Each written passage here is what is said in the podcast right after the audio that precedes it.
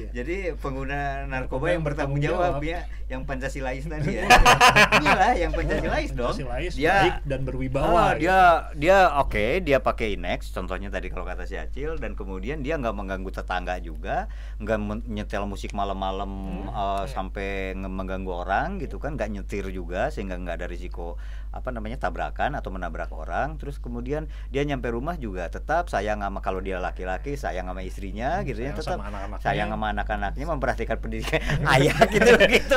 Gue gini loh, Ada, gini, ada, ada, memang Kang. bisa. Ada, ada, banyak. Dan kan tadi yang gue bilang itu persentasenya cuma 13, 13 persen yang bermasalah yang yang Tunggu, yang halu gua atau kalian berdua sih? itu WH eh apa UNODC Itu itu, ya, yang bikin laporan yang ya. halu kalau gitu dong.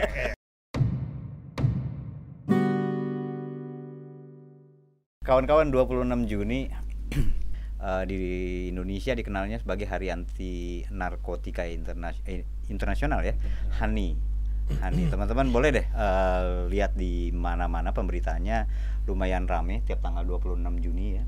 Menjelang 26 Juni maupun hari-hari sekarang juga masih ada kok beberapa pemberitaan seputar narkoba eh, yang berkaitan dengan HANI. Sebetulnya kalau dilihat dari apa eh, momentumnya sendiri itu kan secara global tuh dilakukan di seluruh dunia. Tanggal 26 Juni itu sebetulnya adalah di International Day Against Drugs Abuse ya and Illicit Trafficking. Jadi sebetulnya lebih lebih luas kalau menurut saya sih, lebih luas karena di situ ada soal penyalahgunaan narkobanya dan obat-obatannya ya dan ada soal perdagangan gelapnya. Jadi sebetulnya itu yang diperingati secara global, tapi di Indonesia maka eh, dia terjemahannya menjadi Hari Anti Narkoba Internasional kan gitu ya, gitu ya. Nah eh, kawan-kawan saya Tri Rwanda nemenin kalian lagi di kanal ini, kanal Indonesia tanpa stigma. Ada Patri Handoyo, ada Ardani Surya Dharma. Patri mah geus- Salam tagel ya tahu orang ge tiap-tiap aya salam perjuangan we. Patri udah sangat sering ya ngomongin soal salam perjuangan. Sebelah saya eh, selain Patri ada Acil kalau kami biasa manggil Cil. Yuk, Apa kabar Cil? baik, alhamdulillah. Salamnya salam apa Cil? Salam damai. Nah, kita tuh lagi nyari Cil untuk kanal ini bagusnya salam apa? Kalau salam saya sih salam prestasi. Eh. Iya, tuh salam prestasi. Narkoba no. Ah, anjing. Nyalus kan? Halo, weh mantep pisan. Cil, lu, lu salam apa, Cil? Salam tempel. Salam tempel. Oke. ya, kawan-kawan, ka- kami bertiga bakal ngobrolin soal itu ya, Pat ya. Iya. Karena gini, saya tadinya, Cil, eh, Pat, saya tuh berharap karena ini kan diperingati tiap tahun tuh, bahkan Mhm. setahu saya sejak tahun 87 ya, eh, peringatan 88. 87 88. Oh, 87 dinyatakan ini apa declare-nya ya harus ada peringatan ini dan setahun kemudian berarti tahun 88 PBB bilang yaitu di eh, mulai di apa berlangsung secara global kan. Nah, tiap tahun kan diperingati dan saya selalu ngelihat karena pekerjaan selalu ngelihat tren-tren pemberitaannya. Saya tuh punya harapan sebetulnya Cil, Pat. Di tahun ini ada sesuatu yang berbeda. Ada eh, apa namanya? ada lagu yang beda lah di dari peringatan Hani ini yang kita sebut saja Hani karena kita di Indonesia ya. Hani ini diperingati dengan cara yang berbeda, ada lagu yang berbeda pula, itu yang tadinya saya harap. Tapi ternyata sarua wae eh sama aja. Enggak kemarin tuh ada loh trending di Twitter. Oke, itu yang akan kita bahas. Tapi mainstream apa sorry arus utamanya secara umum itu saya lihat masih begitu-begitu juga gini loh. nggak jauh dari pentingnya pemberantasan. Ya Terus kan kemudian karena jumlah tunggu dulu. Kayak apa? Kayak apa?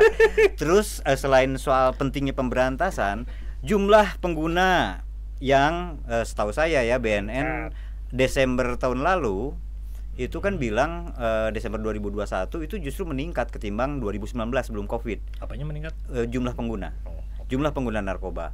Saya ingat 3, koma- kepala BNN eh, bilang 2019 itu sekitar 3,3 gitu.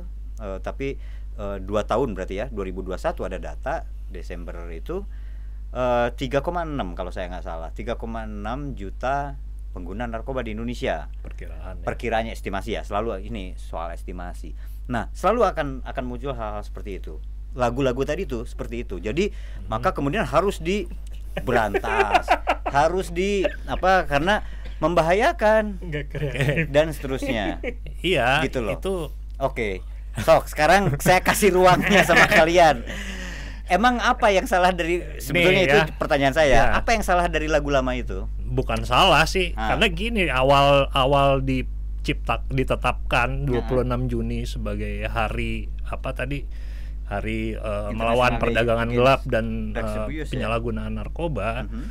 itu kan untuk memperkuat kerjasama negara-negara anggota PBB dalam Oke. memberantas itu tadi Ah. penyalahgunaan dan perdagangan gelap kan Mhm. gitu jadi memang eh, wajar aja kalau tiap tahun itu ya emang gitu setiap menjelang 26 Juni itu biasa deh tuh polisi ngundang wartawan gitu Hmm. kan me- atau pengadilan deh Hmm. gitu jangan polisi aja ya pengadilan aparatur Aha. penegak hukum aparat penegak hukum Alias ngundang war A- APH. Ah, ngundang iya, wartawan gitu memusnahkan barang bukti Iya. sitaan narkoba gitu kan Iya, upacara-upacaranya gitu Biasanya kan begitu. Terus nanti ada apa? Stonewalls menggilas, Oh, iya, iya, iya, menggilas iya. minuman keras. atau kan gitu. eh, apa namanya eh, sabu-sabu gitu di di blender gitu kan Iya, ya kan? masa sih? iya sekarang itu trennya gitu sabu ekstasi di Tapi blender yang menarik kan ganja, ganja, Ganja dibakar, dibakar, kan? Nah, ganja dibakar. Dan di beberapa tempat sempat jadi anekdot itu kan? Kenapa? Karena pusing karena orang-orang. pada pada ngeliatin gitu ya Iya pada ngeliatin itu jadi anekdot kan di beberapa tempat saya ingat saya ada kasus di mana saat di saat dibakar barang buktinya semua mabuk itu pada akhirnya kan begitu puyeng juga kan orang-orang Pat oke apa yang salah dari situ itu kan nggak itu ada kan yang cuma salah. nggak ada yang salah Nah, yang salah itu kan ya karena emang diciptakan untuk itu untuk dibagi Apa? untuk dimusnahkan bukan untuk untuk memperingat untuk ya itulah eh, Seremonial. seo- seolah-olah gitu ya Ah, berhasil si aparat eh, ya penanggul apa pemberantasan narkoba ini eh, berhasil tadi Acil udah bilang gitu Hmm. seolah-olah ada ganja dimusnahkan sabu-sabu dimusnahkan oke kata atau seolah-olah itu kan cenderung sinis nih Hmm. sorry ya kata seolah-olah itu kan cenderung sinis tidak mencerminkan itu yang nggak sinis itu nggak sinis Enggak, kalau buat gue itu sinis. Karena- Cil menurut lo Gini, emang itu seolah-olah gitu? gini kalau kita bicara kenapa Patri bilang seolah-olah gue bisa mendukung Patri. Ka- kenapa? Karena ternyata Ah. Tumben mana bisa saling mendukung naik. karena ternyata pada kenyataan permasalahan narkotika ini nggak selesai. Kalau Oke. memang berhasil dengan pembakaran dan apa pemusnahan tersebut harusnya kan permasalahan narkoba akan menurun. Nah, ya kan? Nah, pada kenyataannya data menunjukkan permasalahan narkoba makin meningkat.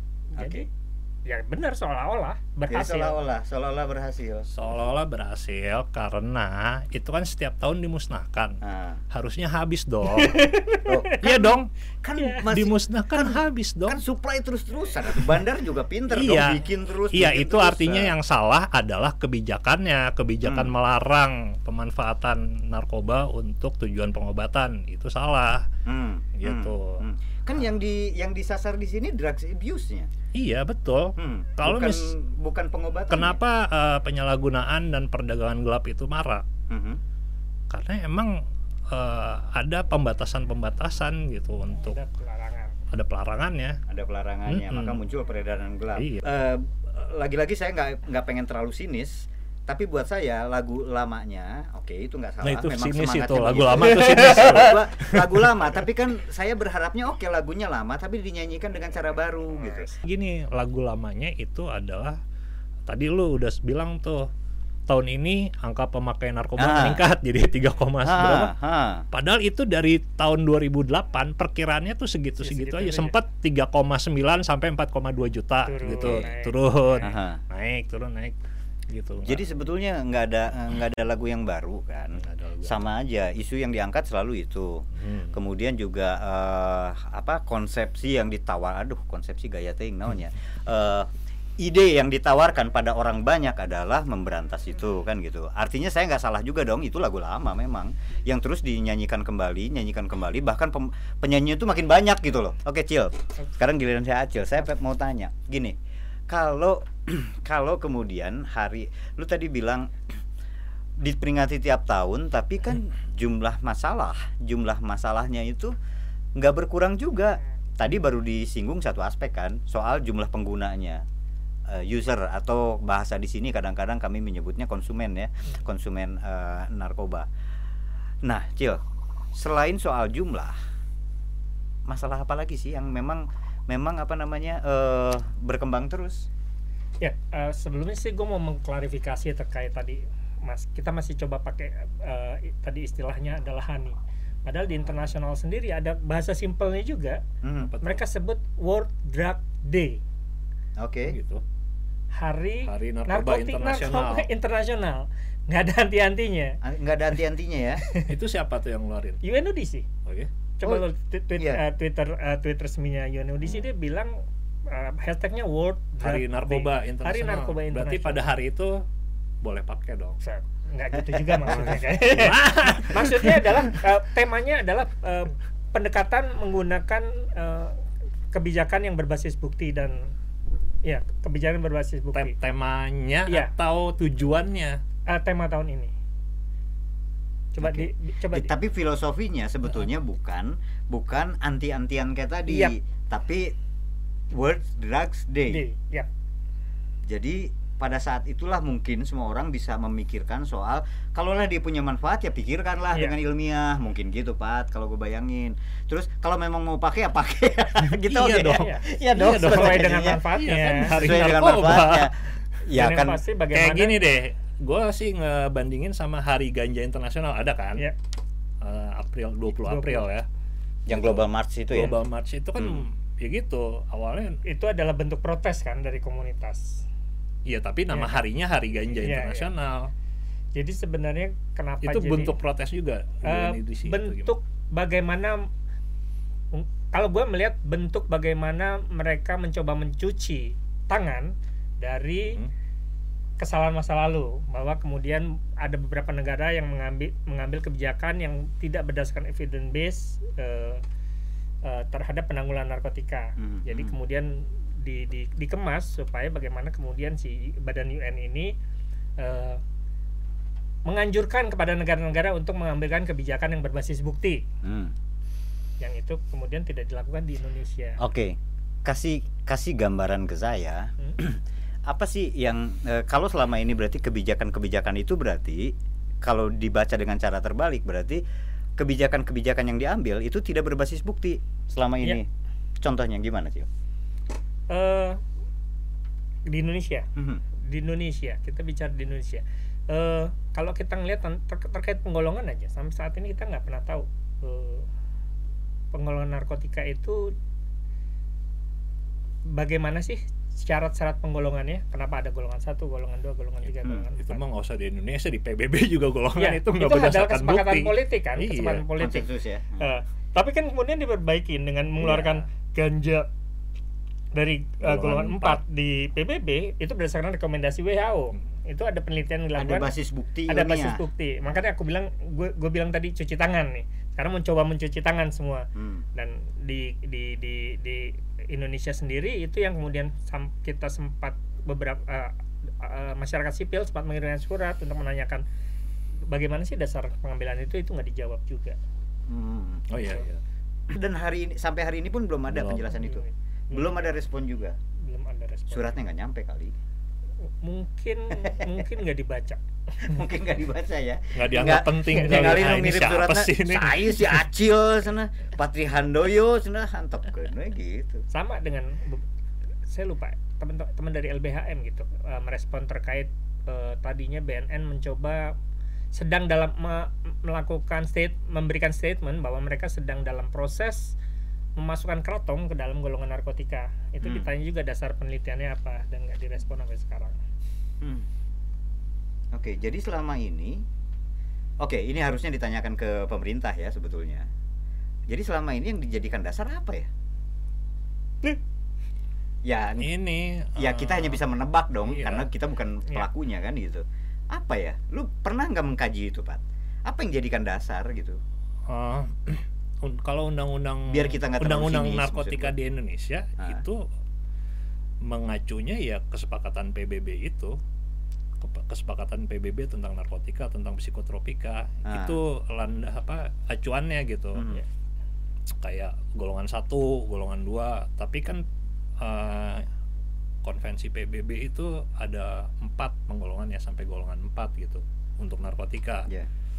Di Indonesia narkotika cuma sampai golongan 3 udah gitu di PBB itu konvensi PBB golongan pertama itu boleh dipakai untuk pengobatan Hmm. gitu walaupun mendapat pengawasan ketat ya Iya. di Indonesia undang-undang itu sama Golongan sekali nggak boleh dipakai kecuali untuk ilmu pengetahuan Jadi kalaupun saat dibilang bahwa kita mengikuti eh, apa namanya penggolongan PBB nggak konsisten juga. nggak konsisten Sama-sama juga nggak konsisten karena juga ya. juga, gue udah pernah bilang tuh ada satu obat namanya fentanyl Mhm. gitu itu turunan opi- opioid sintetis itu di PBB eh di konvensi PBB itu ada di golongan 4 dan golongan 1 Mhm. kayak ganja sebelum 20 Desember 2020 Hmm. gitu Sebelum ganja dikeluarin ya, dari sebelum ganja dikeluarin golongan 4. Nah, itu eh, punya apa dampak kesehatan yang yang besar gitu tapi di Indonesia itu masuk golongan dua Hmm. bisa dipakai untuk pengobatan ya sebenarnya kan memang di negara itu diberikan kebebasan Iya. untuk kemudian mem- mem- apa, memasukkan ke dalam golongannya sendiri. Nah, cuman kan seharusnya saat mereka memasukkan ke dalam membuat golongan sendiri dan me- memasukkannya harusnya ada dasar penelitian dong, ada justifikasi dong kenapa mereka masukin ke situ. hmm.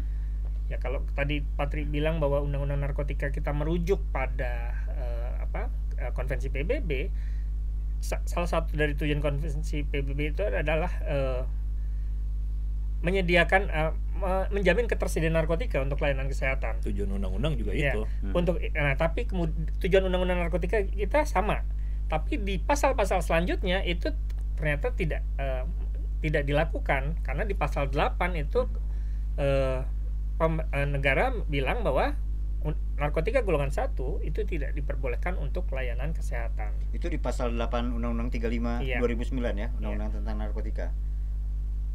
Jadi Jadi nggak sinkron antara tujuan dengan pasal-pasal yang ah, eh, kemudian pasal-pasalnya tidak mencerminkan eh, Tujuan. tujuan. awalnya ya. Iya. Oke. Nah, eh, oke biar biar biar gini, biar tidak juga kemudian kita kayak masturbasi sendiri gitu ya bicara tentang hal-hal yang terlalu mewah. Maksud saya gini, ap- eh, saya pengen nanya apa dampaknya dari situ buat orang banyak pada akhirnya penggolongan-penggolongan seperti ini yang tidak konsisten. Kemudian juga tadi Mhm. saya eh, eh, sorry kalau istilah saya nggak tepat, eh, tapi kan banyak orang juga udah mulai bilang bahwa kok kita kayak nggak berdaulat gitu, eh, ngikutin apa aja yang berlangsung di PBB tanpa ada otak sendiri lah gitu loh untuk mikirin tentang hal yang lokal di sini. Nah maksud gua apa dampaknya buat buat kita semua? Saya tahu undang-undang itu akan mengikat Ya. semua orang, itu undang-undang akan mengikat semua orang. Tapi berkaitan dengan narkoba, Mhm. apa dampaknya yang terasa hari ini? salah satu dampaknya tuh eh, ya kemarin yang gugatan ke Mahkamah Konstitusi itu jadi ganja itu udah banyak gitu hasil apa laporan-laporan kajiannya bahwa dia bisa mengatasi kejang Oke. gitu ya, epilepsi Hmm. kejang Hmm. gitu. Nah eh, di Indonesia itu banyak eh, penderita epilepsi tentunya ya ada Mhm. ada lah ya Mhm. ribuan atau mungkin ratusan ribu gitu yang eh, mereka dikasih obat gitu mereka dikasih obat tapi obat itu hanya mengatasi gejala epilepsinya aja begitu kan kejang itu karena lonjakan lonjakan listrik di otak Mhm, ya mhm, di otaknya. Hmm, nah ganja itu terbukti bisa menurunkan lonjakan itu di eh, lonjakan lonjakan listrik di otak sehingga menurunkan tingkat ke- kekejangan. Nah, Dan buat gua- pasien itu sangat membantu ya. sangat membantu Mhm, gitu mhm. Dan efek sampingnya juga juga kecil gitu. Ini udah ah, ya menurut laporan penelitian sih seperti itu dibandingkan dengan obat-obatan Iya. epilepsi yang ada selama ini kayak misalnya benzodiazepin itu Mhm. eh, udah gitu kayak benzodiazepin itu punya toleransi gitu dosisnya semakin meningkat Hmm. gitu lo bayangin misalnya anak kecil gitu Iya. ya anak-anak itu dikasih benzodiazepin terus gitu mungkin sebulan pertama dia minum satu tablet gitu bulan berikutnya dua tablet gitu terus meningkat udah gitu itu tidak tidak menyelesaikan lonjakan listrik di otak tadi gitu nah 2020 ya Cil 2019 akhir 2019 masuk akhir gugatannya. itu Rumah Cemara bersama ibu-ibu yang anaknya mengidap lumpuh otak Mhm. itu ngegugat ke Mahkamah Konstitusi supaya narkotika golongan satu itu bisa dimanfaatkan untuk pengobatan. Hmm. yang Gitu. kalau Nah, anak kalau- Jakarta Selatan which is ada ganja di situ kan ya, Ya. kan Nah, Kalau lo tanya dampaknya apa, Hmm. gitu, dampaknya apa? Dampaknya adalah orang-orang yang sudah apa namanya, yang membutuhkan men- men- menderita lah, sebutlah gitu ya, Hmm. menderita karena lihat anaknya kejang setiap Ya. hari. Kan kejang itu bisa sehari, nggak cuma sekali loh. Itu bisa kebayang lah beberapa rasa, kali. rasa Ah. sakitnya tuh kebayang kan Hmm, dan mereka tahu itu uh, pengobatan itu sudah sudah bisa di, digunakan gitu di negara-negara lain, Hmm. tapi di sini enggak gitu. Hmm. Jadi uh, bak karena kan undang-undang dasar kita konstitusi ya, konstitusi undang-undang 1945 itu menjamin pengobatan atau apa kesehatan seluruh manusia Indonesia hidup gitu uh, sehat sejahtera. dan seterusnya ya. Hmm. artinya Gitu. artinya lu ingin bilang bahwa ya dampaknya dengan undang-undang yang seperti ini atau kebijakan yang seperti ini pada akhirnya banyak atau ada orang-orang yang tidak bisa mem- me- me- mem- memenuhi kebutuhan tadi itu. Kebutuhan kesehatannya. Memenuhi kesehatannya. Lu ada yang mau ditambahin Cil?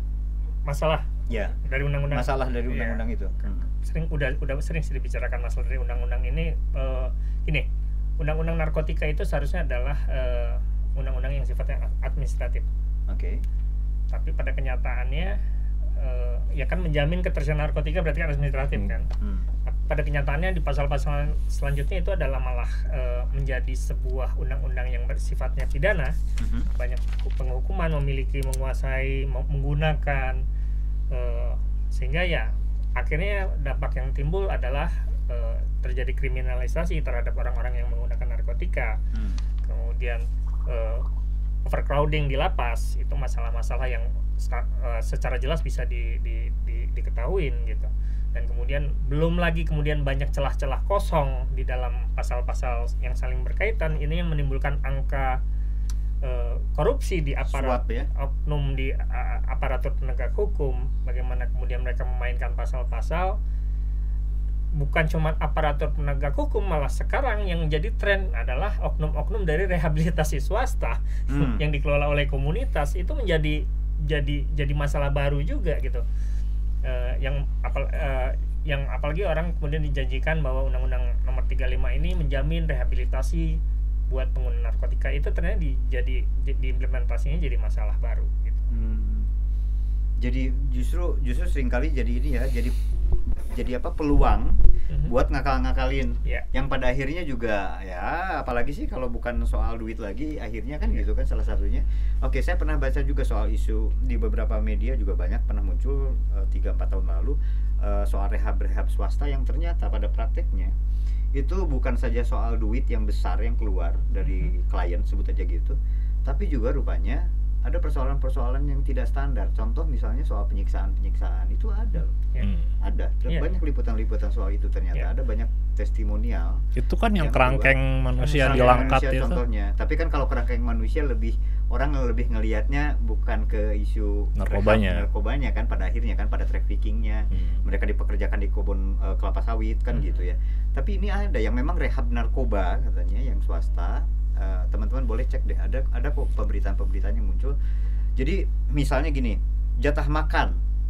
Jatah makan itu misalnya hanya diberi dua dua kali dan itu pun kalau dirupiahkan sebetulnya cuma berapa padahal uang yang keluar itu Hmm. itu besar Untuk gitu biaya perawatan di biaya sana ya. mereka dan artinya ada banyak standar yang tanpa harus kita sebut apa aja nama rehabnya itu itu eh, sangat tidak manusiawi lah di situ itu Hmm. banyak gambarannya selain tidak manusiawi juga ada beberapa yang misalnya gini si si orang yang lagi direhab itu orang lagi direhab itu kan eh, seyogianya dapat kayak ya pendidikan Hmm. dapat apa mungkin konseling saya Hmm. kurang paham tapi ini nggak ada standar-standar itu nggak ada jadi ya gitu cuma untuk biar nggak masuk penjara, Penjara. Biar nggak dapat hukuman aja di penjara Hmm. gitu loh Ya, ini ini, ini se- sebenarnya faktor jadi ikutan jadi- ya ada jadi- ada hal lain ya Jadi apa? Jadi diskursus yang sangat buat gue sih sangat norak gitu karena di dalam undang-undang narkotika pilihannya itu cuma dua. Kalau nggak penjara, rehab Rehab. Mhm. dan nggak dibuka pilihan-pilihan lain Hmm. untuk untuk un- un- untuk pengguna narkotika dan ya itu dan fungsi kontrol terhadap kualitas layanan rehabilitasi itu nggak berjalan Hmm. dalam arti ya gue bisa ngerti ya kalau gue sih bisa ngerti bahwa eh, konsep rehab itu adalah s- sama kayak rumah sakit gitu ya kan rumah sakit ada yang rumah sakit pemerintah ada yang rumah sakit swasta Hmm. rumah sakit swasta lebih mahal daripada rumah sakit pemerintah Hmm. ya kan Yang yang konsekuensinya ya boleh dong, gua berharap layanannya layanannya jauh lebih lebih- bagus, kan dokternya gitu. lebih pro, Hmm. dokter senior dan lain-lain. Ini yang kemudian nah kalau di rumah sakit dia ada badan yang ngawasin kan, standarisasinya dan lain-lain kan. Hmm. Hmm. Dan ini nggak terjadi di belum ada pengaturan yang rehabilitasi Oh, siapa. belum ada ya sama sekali Kalau sertifikasi dan kalau tanggung jawabnya sebenarnya tanggung jawab dari Kementerian Sosial, Oh, Oke. ya kan? Kementerian Sosial dan Kementerian Kesehatan Kesehatan. di amanat undang-undangnya. Tapi apakah kemudian itu dilakukan? Ya jadi pertanyaan lagi kenapa belum ada? Ternyata masih banyak rehab-rehab yang tidak sesuai dengan standar itu masih bisa beroperasi. Nah dari mana? Gitu Hmm. izinnya dan kalau perizinan kalau dulu rumah Cemara kita sempat punya rehab juga ya Iya. ya? dan a- ada izin dari Dinsos harusnya kan Dinsos kemudian controlling ya ini Hmm. programnya gimana nah ini Iya. berjalan atau tidak Ngontrolin kualitasnya iya ya. sistem sistem ini kalau kemudian yang kontrol ada orang dari Kementerian Sosial kayaknya itu berapa puluh ribu rehab setahun sekali nggak bisa kekejar juga kan Tapi oke terlepas dari apa standarisasi tempat rehab gitu, Ya. emangnya semua pemakai narkoba bisa gitu direhab atau nggak gimana? harus direhab sebenarnya ini, Hmm. ini ini yang makanya tadi gue yang masalah di undang-undang narkotikanya Oke. juga Iya, iya. pilihannya cuma dua padahal nggak Hmm, semua hmm. pengguna narkotika butuh direhabilitasi ya kalau pilihannya cuma dua berarti di, di penjara Hmm. Jangan sampai kemudian undang-undang yang baru memindahkan misalnya pilihan ya udah rehabilitasi aja semua Oke, gini, Acil dan Patri itu kelihatannya kalau saya boleh menyimpulkan itu melihat undang-undang itu hanya menyodorkan dua pilihan Ya. penjara sama rehab, gitulah. Ya. Yang satu hukuman jelas penjara, tapi ini hukuman dalam bentuk lain rehab, gitu Iya. aja sebut ya. betul Eh, hukuman dalam bentuk lain adalah rehab juga. Yang tidak di lapas. Tapi ya bedanya kan tidak di lapas itu Iya. aja. Nah, gitu kan? Dua- Berarti berdua sudut pandangnya sama. Nah, kalian yang di rumah Cemara emang bisa gitu nyediain apa punya uh, alternatif lain selain dua ini? Apa coba soal narkoba yang harus di disediakan Iya. selain penjara tadi sama rehab? Kit- kita bicara kalau tadi gini eh, pengguna tadi eh, pengguna narkot pengguna narkotika ada orang-orang yang menggunakan narkotika itu ya eh, dengan kemampuan manajemen yang bagus dalam arti gue pergi malam minggu ke diskotik gue minum inek Hmm. nah, inek bahasanya masih sekarang ya. Neken neken neken. neken Nah, Ke- kemudian besoknya gue balik hari minggu istirahat senin gue pergi lagi ke kantor hmm. ya kan sama orang kayak minum eh, Lu dalam keadaan mabuk tapi nyetir. nggak boleh Hmm, itu oke. bahaya kalau Hmm. nyetir makanya pakai grab aja atau Hmm. nah maksud gue adalah itu orang-orang yang termanage dengan baik dan orang-orang seperti itu di undang-undang yang ada saat ini ini pilih eh, pilihannya cuma cuma dua penjara, Penjara atau rehab. rehab? padahal apakah mereka memang membutuhkan dua itu enggak Hmm. mereka ya orang-orang kayak gitu kan mungkin memang butuh rekreasional ya Hmm. dia pemain rekreasional dan selama mereka paham bagaimana menggunakan yang bertanggung jawab kayak tadi Hmm. Dalam keadaan mabuk ya jangan nyetir naik naik naik apa naik taksi ataupun eh, minta dijemput pakai ojek ke pakai iya, apa kan pakai gitu. ojek Taksi. jatuh taksi ya. Angkot. Taksi lah ya. Eh, ya dan kehidupan sosial mereka nggak keganggu kok Emang banyak kita menemukan contoh-contoh seperti itu. hampir sebagian besar Nih ya, eh, 2019 itu laporan narkoba dunia World Mhm. Drug Report itu eh, ngelaporin ada 275 juta Mhm. eh, konsumen narkoba ilegal di seluruh dunia Hmm. gitu. Yang bermasalah Mhm. itu 36 juta. Yang bermasalah dalam arti gimana? Yang sih? bermasalah itu yang tadi Acil bilang eh, apa namanya? Dia dimusuhin sama teman-temannya Oh. sampai melakukan tindakan kriminal. bahkan mungkin troublemaker lah ya. males-malesan Ah, ah, gitu ya, bo- ah. suka bolos di Cuma sekolah. 36 juta. 36 juta, 13 persen lah ya. Dari 275 jutaan Artinya lebih banyak yang pengguna narkoba yang bertanggung jawab. iya pengguna narkoba ilegal loh itu Halus oke, eta diksi nanya, eh terminologi nanya. Iya. Jadi pengguna narkoba Narkoba yang yang bertanggung bertanggung jawab jawab. ya, yang Pancasilais tadi ya. Iyalah, yang Pancasilais dong. Pancasilais, Dia baik dan berwibawa Oh, gitu. dia dia oke, dia pakai Inex contohnya tadi kalau kata si Acil dan kemudian dia nggak mengganggu tetangga juga, nggak men- nyetel musik malam-malam eh, sampai nge- mengganggu orang gitu kan, nggak nyetir juga sehingga nggak ada risiko apa namanya tabrakan atau menabrak orang. Terus kemudian dia nyampe rumah juga tetap sayang sama kalau dia laki-laki sayang sama istrinya gitu ya, tetap sama anak-anaknya. sayang sama anak-anaknya memperhatikan pendidikan ayah gitu gitu. Gue gini loh, ada gini, ada. memang Kang. bisa. Ada. ada banyak dan kan tadi yang gue bilang itu persentasenya cuma 13 13 persen yang bermasalah yang yang Tunggu, yang halu gua atau kalian berdua sih? itu WH eh apa UNODC Itu itu, ya, yang bikin laporan keluarin. yang halu kalau gitu dong ya Oke. Enggak, gini loh kalau kemudian lu lu nanya ke pengelola rehabilitasi Oke. mereka bilang banyak iya yang datang ke mereka yang Yang bermasalah bermasalah berarti. Bermasalah. yang nggak bermasalah kan pada nggak datang Ah, ah. Dan Oke, mereka yang oke. bermasalah itu kriterianya salah satunya adalah dia udah hidupnya berantakan sehingga membutuhkan pertolongan. Maka pergi ke tempat-tempat rehabilitasi itu. Nah kalau gue sih eh, apa eh, alternatif lain ya di luar yang tadi itu. Hmm. tidak ada penjaraan buat Hmm. konsumen narkoba. Eh, alternatif lainnya adalah gini. Negara itu berikan saja izin produksi. Misalnya kayak tadi obat untuk rekreasi ekstasi Hmm, gitu ya. Hmm. Misalnya. berikan saja izin produksinya sebagaimana memberikan izin terhadap minuman beralkohol gitu Hmm, hmm. itu eh, karena dia udah apa namanya konsumennya sudah mendapatkan secara resmi maka itu bukan lagi kriminal dong dia Hmm. gitu kalau sekarang kan kriminal tuh karena mendapatkannya dari pasar gelap Nih, kalau pertanyaan awam Betul. gini, bukankah menggunakan narkoba Hmm. itu kemudian bisa me, apa namanya menimbulkan atau mem- mem- memantik jenis-jenis perbuatan lain yang berpotensi kriminal. Gitu loh. Gini kan kita sering kan lihat kan eh, contoh memang sih contohnya tuh geleh gitunya model berita-berita tuh gini.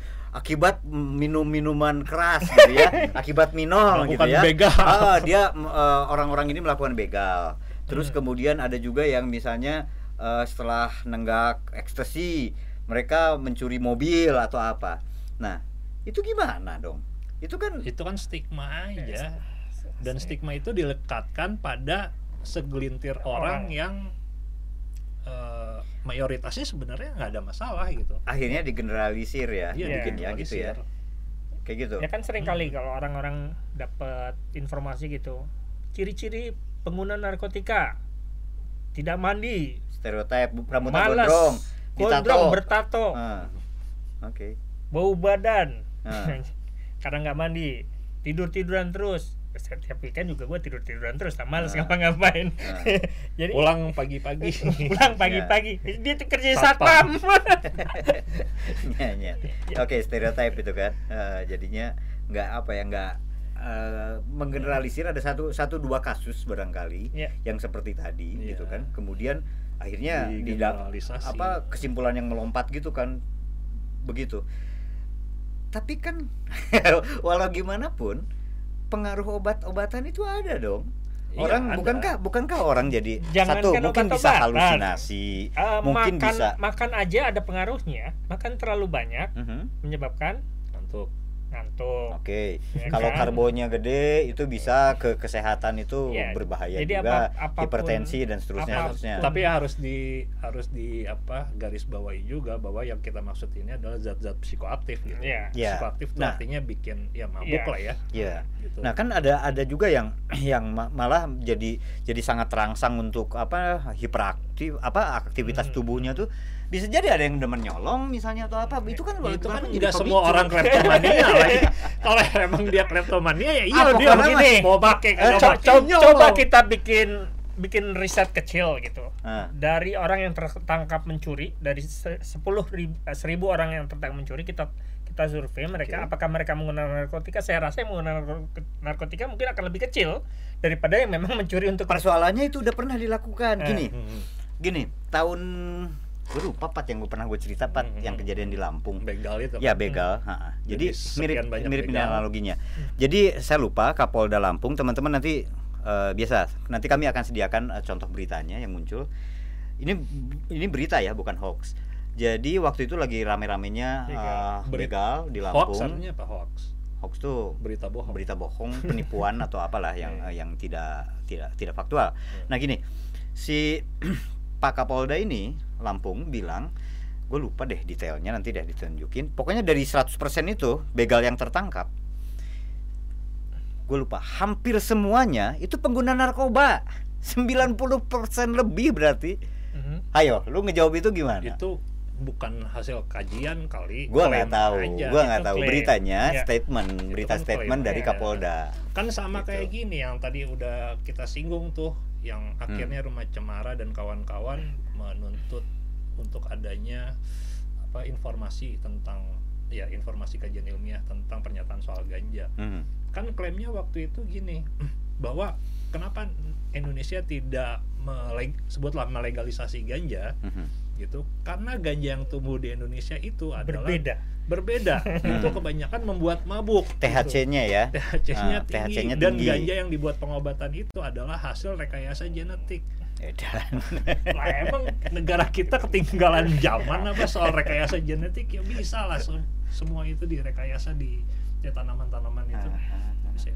Itu makanya kan kemudian kami menuntut gitu eh, supaya itu dibuka kajian yang seperti itu. Kajiannya. Atau itu hanya hanya klaim hanya saja. hanya klaim saja Dan ternyata ya sampai hari ini pun tidak digubris ya permohonan-permohonan informasi kayak gitu ya yang berbasis ilmiahnya mana dan seterusnya. Karena setahu saya kalau membuat kebijakan baik itu di tingkat perda atau undang-undang kan pasti ada tiga minimal kan tiga landasan kan Eh, apa eh, filosofis, sosiologis, yuridis kan gitu Hmm. kan itu pasti kan Eh, contoh misalnya membuat sebuah kebijakan apa pasti tiga hal ini harus ada itu nggak pernah eh, ada respon juga soal itu ya apa yang menjadi landasan yuridis apa eh, sosiologis dan apa eh, filosofis dari kebijakan undang-undang 35 2009 ini nggak ada ya? Nggak ada nggak nggak nggak teman-teman nggak ada terima juga kajian-kajian. nggak ada kajian Dan kebanyakan klaim-klaim itu sifatnya menakut-nakuti loh. Kayak tadi ya, kan Hmm. 90% begal yang ketangkep pemakaian narkoba Hmm. gitu. Ngeri kan, Hmm. orang jadi begal. itu kan pasti dites urin dong ya, oke lah. itu setahu saya eh, Kapoldanya itu Polda di sana itu di Lampung kan dalam hal ini itu melakukan tes urin makanya bisa bicara begitu coba sok Ya, ya, gimana ya, kalian ya, menjawab ya. itu bayangin Ya, nanti itu, Ya, itu saya sebutnya Oke. 205 gue lupa ya pokoknya 200-an yang tertangkap. Dan 90 hampir semuanya artinya ya mungkin di atas 90% adalah setelah dites urin ya mereka menggunakan ada yang minuman keras, ada yang eh, sabu, ada yang apa lagi ya gue lupa. Bahkan ganja ada. Ada. Nah, terus ngejawab itu gimana? ya silahkan dibuka datanya kita sih Iya. pengennya itu kalau memang itu bentuknya kajian silahkan dibuka kajiannya Hmm. kalau memang itu hanya klaim ya kalau klaim kan kita nggak bisa kita nggak bisa katanya katanya juga kan Hmm. Ah, kemungkinannya akan banyak sekali gitu kalau kita merespon eh, klaim-klaim kayak gitu kemungkinannya akan banyak sekali bisa aja karena begalnya malam dia pengen nggak tidur dia pakai sabu Hmm. Ya kan Hmm. Hmm. Hmm. atau supaya berani dia minum alkohol Mhm. karena si begalnya begal penakut Hmm. itu kan ya kita nggak bisa ngerespon klaim-klaim kayak gitu karena ya baru katanya Oke, bisa nggak sih eh, kalau Gue bilang jawabnya gini deh yang, yang soal klaimnya Nah. Pak Kapolda itu Kapolda ya Kapolda Lampung. ya. Kapolda Lampung itu eh, ini ini di untuk narkoba yang legal ya kayak misalnya alkohol Oke. gitu Eh, kalau memang narko konsumsi narkoba itu mengakibatkan perilaku perilaku buruk lainnya gitu eh, Bahkan bukan perilaku buruk doang lah, kriminal. misalnya. Memicu tindak kriminal. memicu tindak kriminal Ah, apa kabarnya tuh orang-orang yang ada di klub malam di bar gitu Hmm. kalau misal kayak gitu tutup aja barnya karena Jadi pelaku tawuran yang lagi rame-rame biasanya kan di berita tuh ada di Makassar, Jakarta kayak gitu. Mereka pasti dari klub malam ya. iya. Minum-minum dulu kali ya mereka ya. iya kan Hmm. Oke. Oke. Ya jadi artinya kan artinya kan gini. Eh dan efek sebutlah misalnya ekstasi ya aha. efek ekstasi itu orang jadi akrab gitu loh Hmm. jadi jadi menyayangi Hmm. itu makanya kemudian kan bukan awal- malah oh, lempar-lemparan bukan malah tawuran lempar-lempar, gitu ya. meluk meluk gitu Ah, kan karena di awal-awal eh, penemuannya itu dipakai untuk psikoterapi untuk terapi pasangan hmm. gitu untuk terapi biar lebih mesra, perkawinan eh. biar lebih mesra dan seterusnya ya. Hmm. Oke, bisa nggak kalau gue bilang kalian berdua ini sebetulnya eh, melihat bahwa tindak kriminal adalah satu persoalan sendiri Ya. dan kemudian narkotika adalah persoalan sendiri. Hmm. Artinya kan kalau disebut persoalan sendiri di situ ada banyak masalah, ada soal dosis, ada soal eh, kualitas barangnya dan Iya. seterusnya gitu ya. Tapi soal kriminalnya mada itu bukan bukan hal yang harus dihubung-hubungkan gitu. Ya. Iya, Iya, begitu. Ya. Tapi kalau misalnya ada yang bilang bahwa pasti akan berkaitan, itu Nggak kalian pasti. menolak ya, nggak pasti. Nggak pasti. Oke. Ya oke, itu itu aja sih yang yang perlu ditegaskan karena menurut saya sih eh banyak yang selama ini orang yang menganggap bahwa ini selama ini sering kali memang akan berkaitan. Pernah dengar gini kan? eh dari dari awalnya pasti jangan ngerokok lo nanti setelah rokok pasti nyoba cimeng Bapak saya sampai sampai umur 76 sekarang ngerokok nggak nyimeng-nyimeng dia. Iya, itu ya, poin itu yang mau gue bilang. Jadi banyak yang misalnya kan jangan nyoba minuman nanti Hmm. Eh, ujung-ujungnya nanti pokoknya paling puncaknya itu yang paling serem kan sebetulnya narkoba di mata gue ya narkoba Iya. seperti heroin putau ya serem ada Suntik. jarum suntik kan Karena kayak gitu. gini, kajian yang dilakukan untuk itu yang ditanyakan adalah narasumbernya adalah orang-orang di dalam rehabilitasi. Ya iya ada peningkatan. Tanyanya harusnya narasumbernya masyarakat umum. Yang memang make dan tidak diketahui sebetulnya Iya. gitu. Kalau ka- lu tanyanya ke pasien-pasien rehabilitasi ya jelas mereka kan bilang gitu awalnya saya merokok. Hmm. Hmm. Hmm.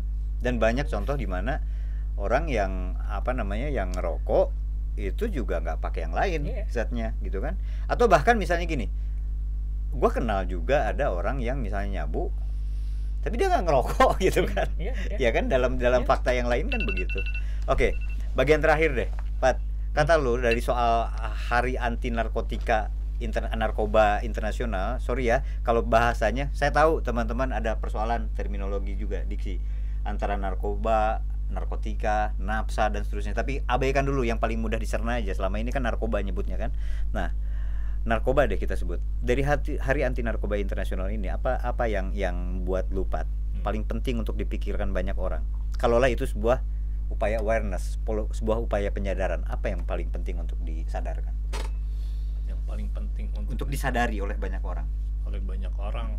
Eh, iya supaya ini nggak terjebak sama lagu lama lagu lama itu. Jadi masyarakat harus udah mulai kritis nih gitu. Kalau setiap tahun kayaknya itu itu mulu gitu nggak apa diberantas diberantas dimusnahkan dimusnahkan tapi ada ada terus gitu. Itu kan berarti ada yang ada yang salah. Ada yang salah Ada yang dari salah. hal itu.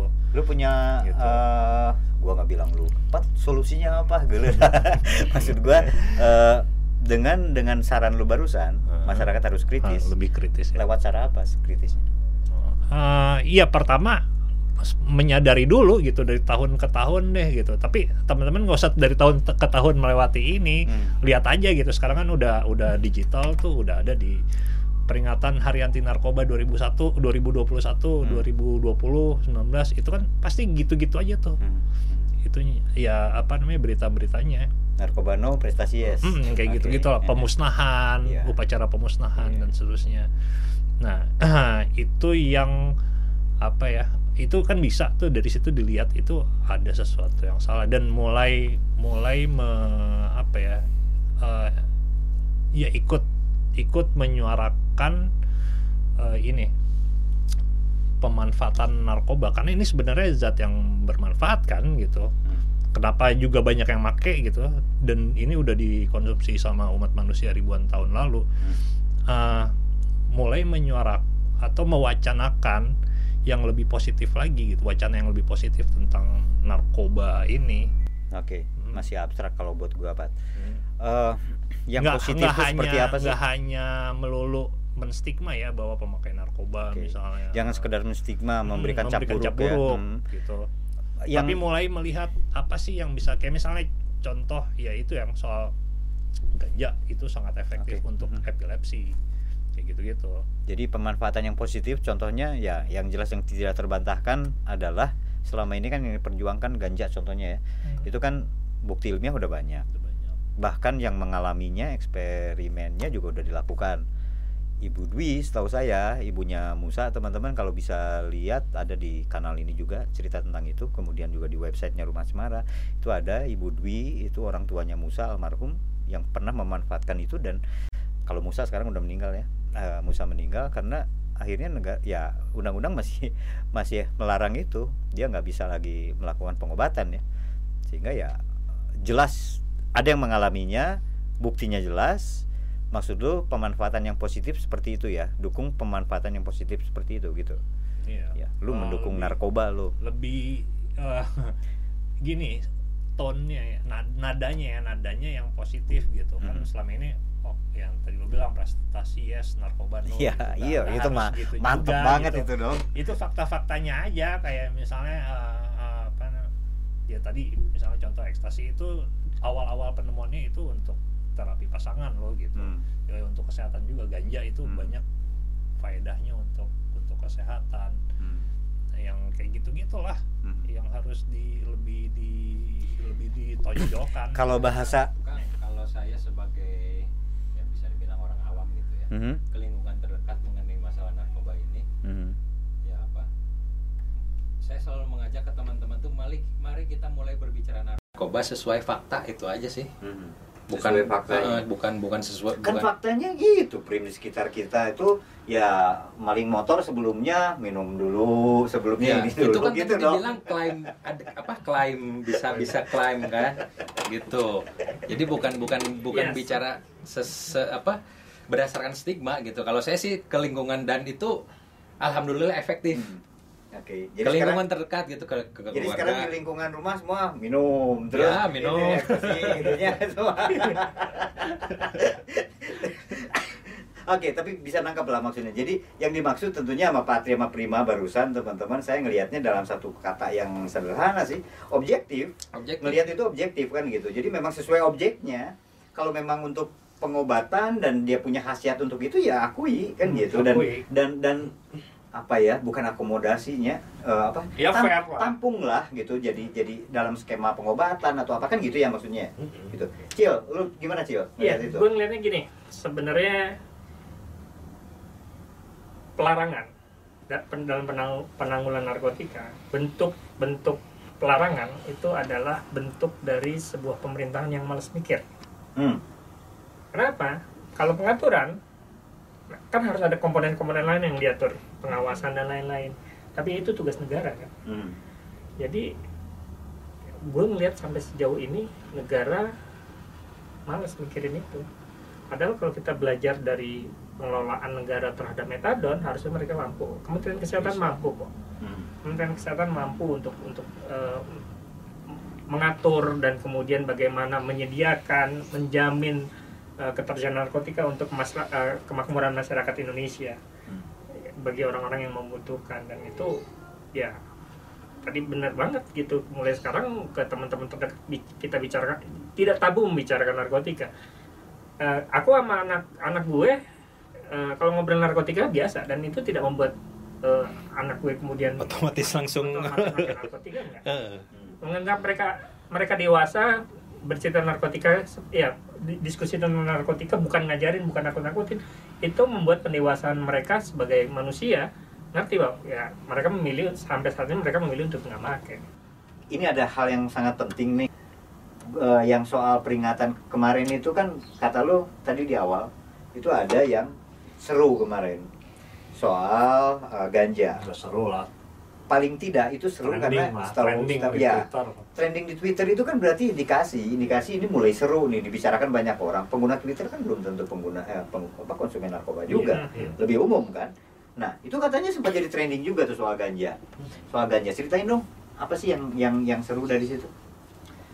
Ya kalau gue sih ngelihatnya ya ngeliat fenomena kemarin itu tanggal 26 Juni kan Iya, itu. tanggal 26 persis Juni. hari anti kalau di Eh, kita Hani ya seorang ibu yang eh, seorang ibu yang salah satu ibu pemohon yang kemudian melakukan aksi di eh, Cafe Day di Jakarta sendirian dengan suaminya saja dengan bawa anaknya dan ketemu dengan eh, orang-orang uh, masyarakat umum di sana dan mendapat dukungan pu- publik.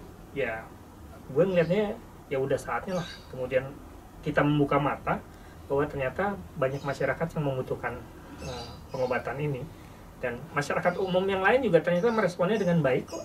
Hmm. kenapa pemerintah masih menutup mata? Buat gue sayang aja gitu kalau kemudian pemerintah ini be- eh, menjadi budek eh, dan kemudian eh, yang nggak mau dengar nggak mau melihat kenyataan yang ada ya mau dibawa ke arah mana eh, ne- negara Indonesia tercinta kita ini? Kupadis, Kupadis ya. Iya, Apa kemarin yang- itu kan apa yang menarik dari kenapa kenapa jadi trending ganja ya kata ganja itu itu karena eh, si ibu itu Bu Santi. Bu Santi bawa eh, tulisan papan tulisan tolong saya butuh ganja medis Anak saya Anak butuh saya ganja. butuh ganja, ganja medis itu yang tadi saya bilang yang eh, apa mulai saat ini ya menempatkan narkoba ya sesuai sama sama faedahnya gitu apa faedahnya ya ya sesuai lah proporsional gitu Kalau stiker yang pernah lu buat mah narkoba lah sesuai aturan gitu ya. Hmm. ya sesuai pada ada pada proporsinya gitu. Kalau emang ada manfaatnya buat buat Ibu Santi misalnya dan ya ada lah pasti yang anak-anak yang pengidap cerebral palsy kan banyak. Itu udah jelas ya. Oh, Itu udah itu jelas jelas untuk cerebral palsy udah jelas banget, penelitian udah banyak. Nah, dari berkaca dari situ ya, sorry jadi berkembang dikit. Eh, berkaca dari kejadian kemarin itu itu kan ternyata jadi trending topik juga Hmm. kemudian jadi diikuti oleh banyak umum juga artinya bukan hanya rumah cemara dan teman-temannya bukan hanya komunitas ini udah jadi persoalan masyarakat berarti umum ya Iya. lebih luas terus kalau sudah lebih luas itu apakah kemudian teman-temannya rumah rumah cemara dan teman-temannya seperti LBHM, ICGR, kemudian ada banyak eh, LSAM dan seterusnya itu akan tetap memperjuangkan itu lewat jalur yang hukum ya. Setahu saya Ya. kan itu judicial review terus ditempuh. ya.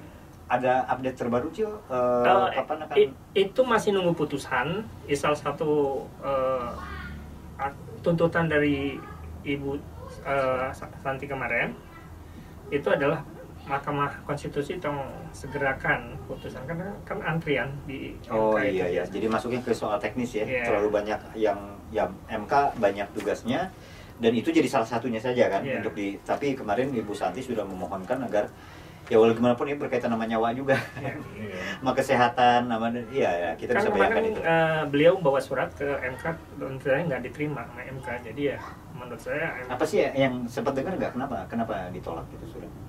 Eh, karena memang Kak, secara secara Hari libur. hari libur se- nah, hari libur dan katanya sih kemudian eh, Bu Santi mau ngirimin lewat JNE dan gitu ya seperti Oh. itulah mau melakukan mencoba lagi Oke, artinya artinya mudah-mudahan teknis itu tidak menghambat tujuan yang di, Iya. ditempuh ya. Oke, 26 Juni dan kita rekaman di dua hari ya, dua hari setelah 26 Juni, eh, satu hari ya. 27 sekarang. Sekarang Sehari. udah nambah lagi di udah udah tujuh.